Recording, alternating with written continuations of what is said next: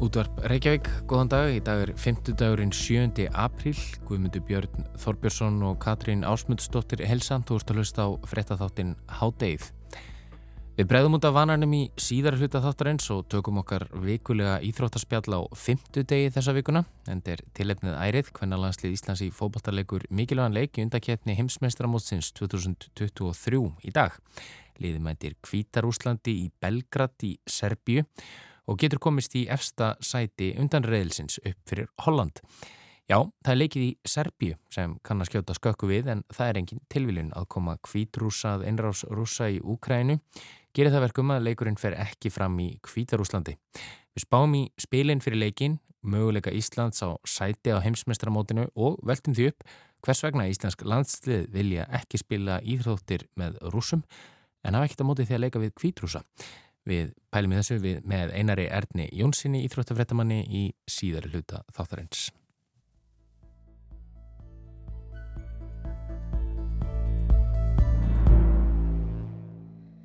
Við erum öll sítengt og það er svona okkar nýji veruleiki eða já, jáfnvel ekkert svo nýr lengur. Fræðimenn segja snjallgræjurnar verður orðnar að framlengingu sjálfsins og síman hennar nýju hægri hönd líkamanns. Og þau eru fá augnablikin sem verum ótengd, erum ekki símanum, spjaltölfunni, fartölfunni, vinnutölfunni með snjallúrið á okkur fyrir framann snjall sjónvarpið eða nettengd í gegnum spinninghjólið. En hvernig er þetta allt hægt? Hvernig er þetta mögulegt? Hvernig getum við öll eða flest verið tengd öllum stundum í einu? Það komið að tæknispjalli hátegisins og Kristjana Björk Bardal, tæknisérfræðingur hátegisins og stjórnandi utsér hlaðvarpsins Skí er sest hjá okkur. Velkomin Kristjana. Takk fyrir það. Og í dag þá eru það fyrirbærin gagnaver sem er til umfyllunar. Mm -hmm. Ef við byrjum bara alveg á byrjuninni, hvað er gagnaver? Já, gagnaver er bara stort hús eða stort rými þar sem að um, alls konar tölfur og hýsingar eru, eru geimdar. Það er sérst alls konar velbúnaður þar sem að verið þá bara að geima gögn og verið að keira eða sérst að vinna eitthvað. Þannig að það eru svona ofurtölfur sem fólk hefur heyrt um svona high mhm. performance computing og þar er hægt að uh, líka tel, tengja stórar tölfur saman þannig að bara eins og til dæmis við getum ekki á okkar eigin tölvum sem eru kannski ekki með rosa stórst vinsluminni mm -hmm. getum ekki gert mjög flóknar og stórar aðgerðir og það þarf að vinna kannski mjög stóra hluti eins og til dæmis að reikna út við erum með mjög svona flókin líkunnar að reikna mm -hmm. út erfið dæmi til dæmis bara eins og þau ert að reikna út eitthvað sem tengist bílum, vera að reikna út fjarlægðir og svo framvist það þarf stórar tölfur til þess að keira forritin þannig að virki að þá þarf ennþá starri tölfur og þá er gott að geta tengt sig og nota þannig tölfur og eins og til dæmis uh, mæning eða mm -hmm. þegar maður grafa eftir bálkakæðjum þar þarf mjög stórar og bara svona kraftmiklar tölfur og það er ofta í gagnaverum þar sem að tölvunar eru geimdar. Við vikingum kannski með þessu með bálkakæðunar og rafmyndina á eftir og, og greftir eftir þeim en, en er þetta þá í rauninni bara eins og þetta er rauninni gegnir saman hlutverki og bara heimilistölvan, bara miklu, miklu, miklu starra mæli.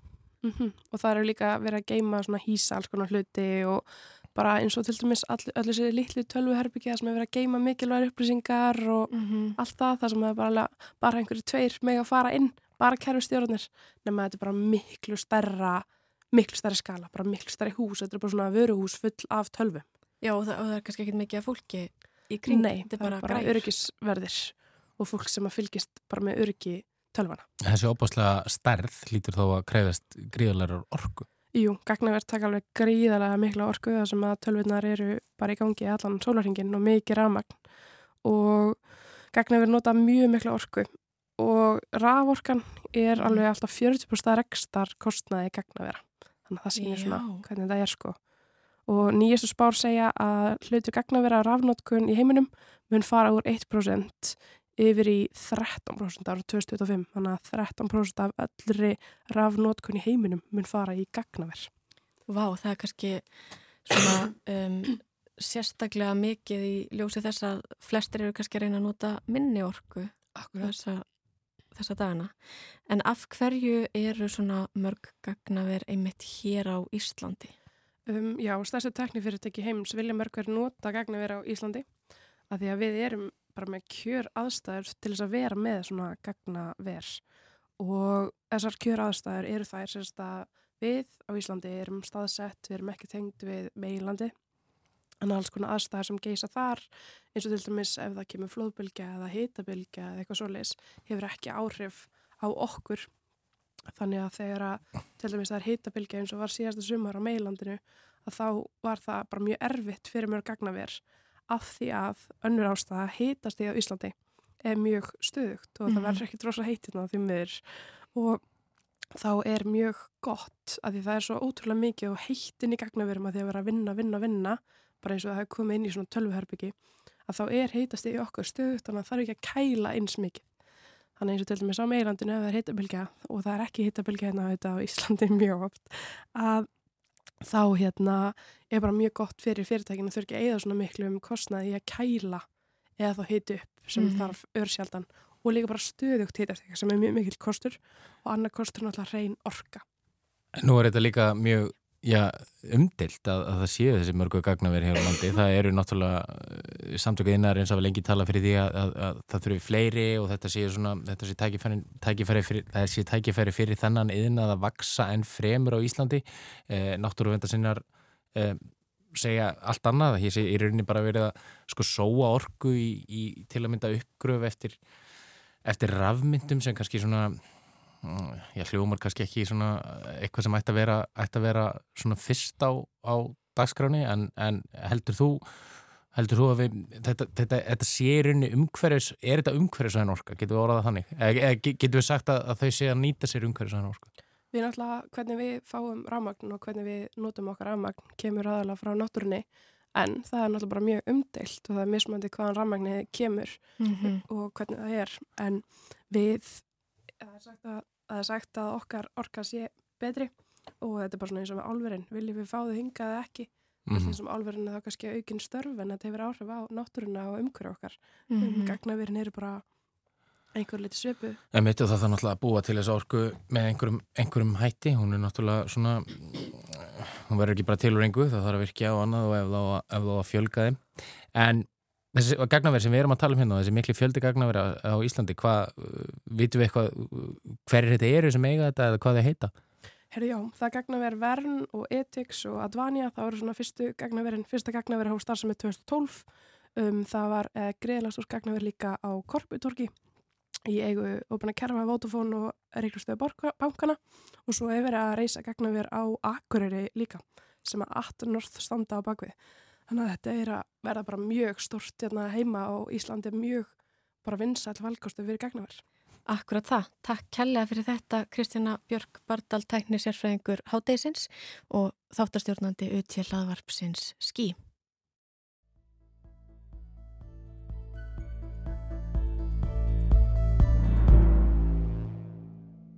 En þá yfir í sportið.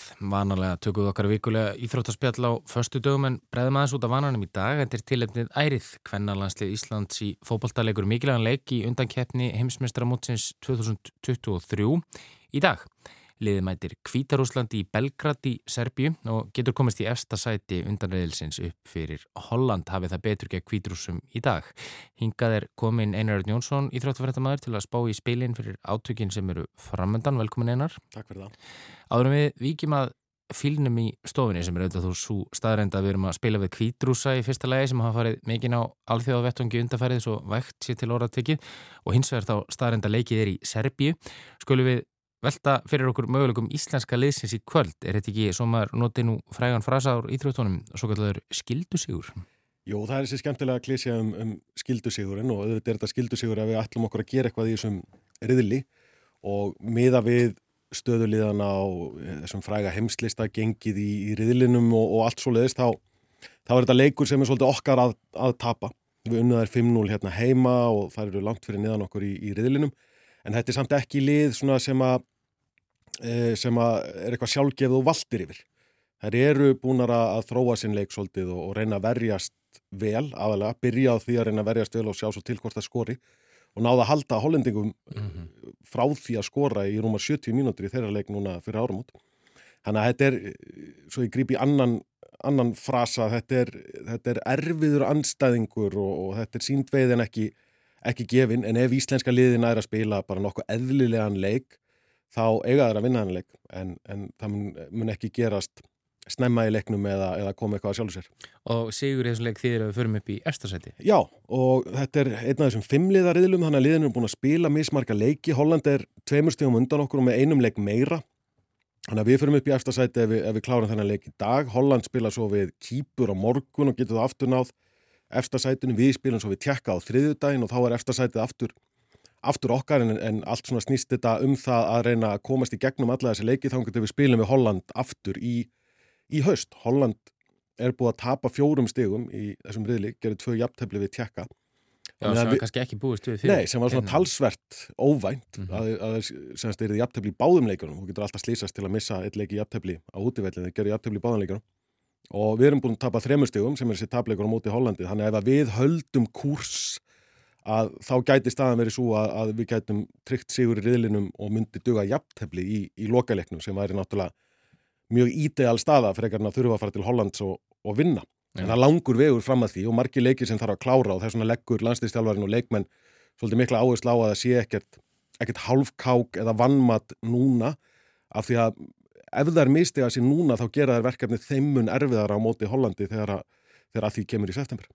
Emitt, það þarf að vinna þessa leiki líka en þetta er tímamóta leikur fyrir tvo leikmenn lisins í dag, ekki? Já, það eru tveir leikmenn að spila sinn hundraðasta landsleik fyrir, fyrir kvennalandsliðið, Dagni Brynjastóttir og Glótís Perla Viggóstóttir eru báðara að spila hundraðasta leikin sinn. Og ég held ég takk ekkert af, af Dagníu þó ég bendi að þess á hvað afreikið er rosalegt hjá Glótís að hún er 26 ára og gömul og kom með 100 landsleiki, hún Já, ef hún, hún sleppið við meðsli þá gætu við verið að sjá okkar fyrsta 200 leikja leikmann ef hún, ef hún heldur áfram og, og næra að draga sinn feril áfram eins og við séum, hefum séð marga, marga varnamenn sérstaklega náða að gera í, í landsleisbúringum.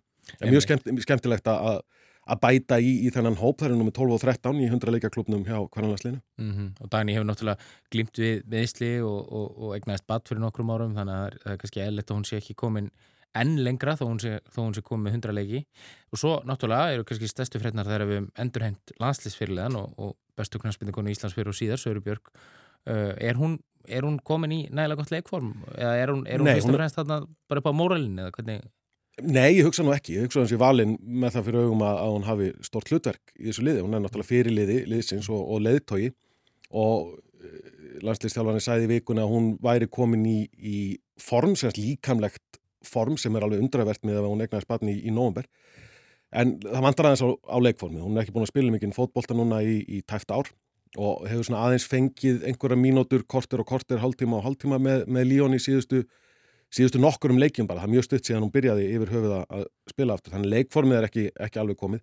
En hún er í, er í formi, semst líkamlegu formi til, a, til að geta spila en, en vantar upp á leikformið en það Emmitt, uh, ef við skildar rétt þá, þá, eru, þá fara sagt, efstu liðin í þessum nýju riðlum, undarriðlum í, í Evrópu, þau fara beint á mótið og, og liðin í, í öðru sæti, þau fara í umspil. Metur svona eins og kannski ljósa þess að sem varst að segja á þann að við eigum kannski bara raunhafan sjans á að vinna hana riðl? Þurfum ekki að treysta þetta umspil því að umspili getur alltaf oft verið mjög snúið. Já, umspil getur verið mjög snúið og umspilið fyrir þetta mót er alveg einstaklega flókið það byrjar á, á Evrópumspili og svo er farið yfir í, í umspil á milli heimsálfa Þetta er nýju liði á hóttatala Já, og þetta verður aldrei verið svona flókið einhvern veginn að klára þetta umspil. En möguleikin á að vinna þennar riðil er klárlega fyrir hendi og, og það væri, gera náttúrulega auðveldara að þurfa kannski ekki nema jafntefni í, í lokalegnum en það er hægra sættin gert að sækja Holland heim til Hollands og eitthvað þurfa að gera ráð fyrir að ná einhverjum úslitum í, í þeimleik. Það verður búið gaman ef að Holland myndi bara misti það sem mútið kýpur og við getum klárað þetta bara allt sjálf.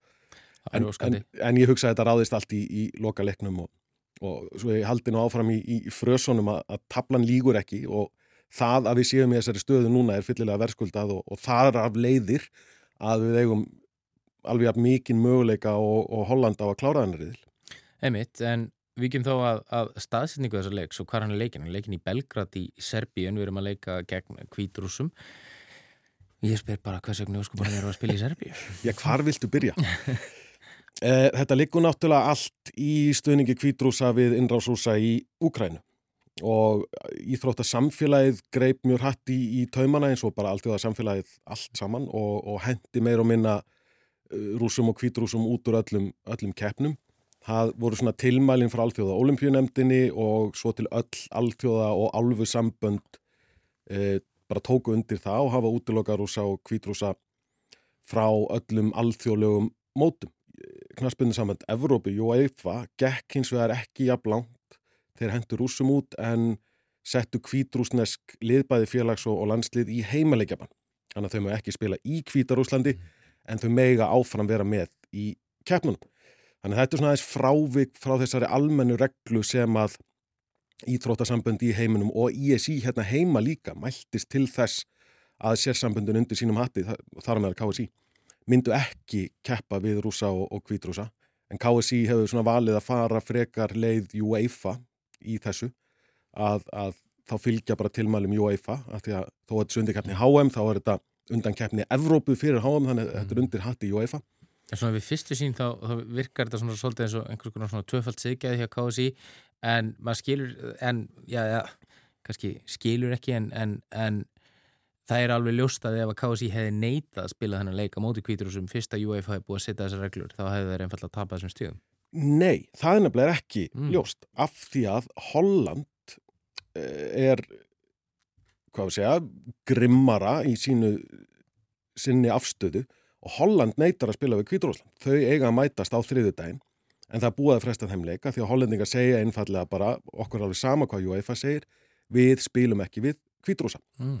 Þannig að þetta er allt saman mjög óljóst hvernig þetta endar. Ef að bæði Holland og UEFA halda sér fast við sína afstöðu að þá held ég að óhjókvæmulega verði UEFA að refsa Hollandi en allar UEFA að fara að refsa einni af stóru fótbóltaþjóðum í Evrópu fyrir að standa fast á sínum stuðningi við, við þjóð sem að lítur innrás annarar þjóðar.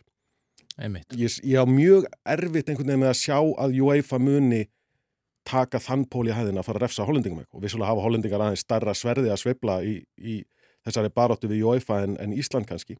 En þau standa fast á sínu og leiknum á þriðu daginn Holland-Kvítarúsland hefur verið frestað.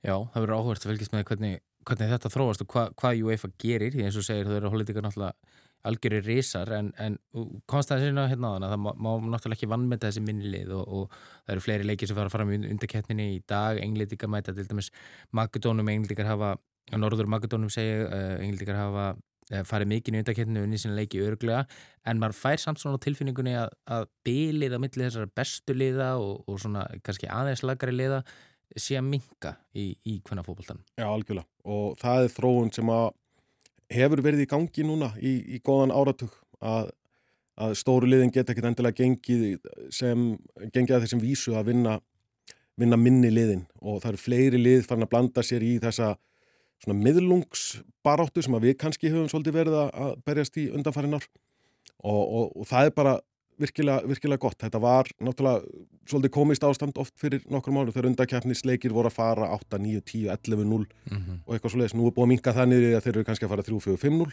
en þetta er allt saman eh, skref í, í rétta átt og sjáum það bara liðins og Tjekkland farið að rífa steg af, af Hollandi viðunum þjóðverja í Þýskalandi fyrir ekkert svo lengur síðan.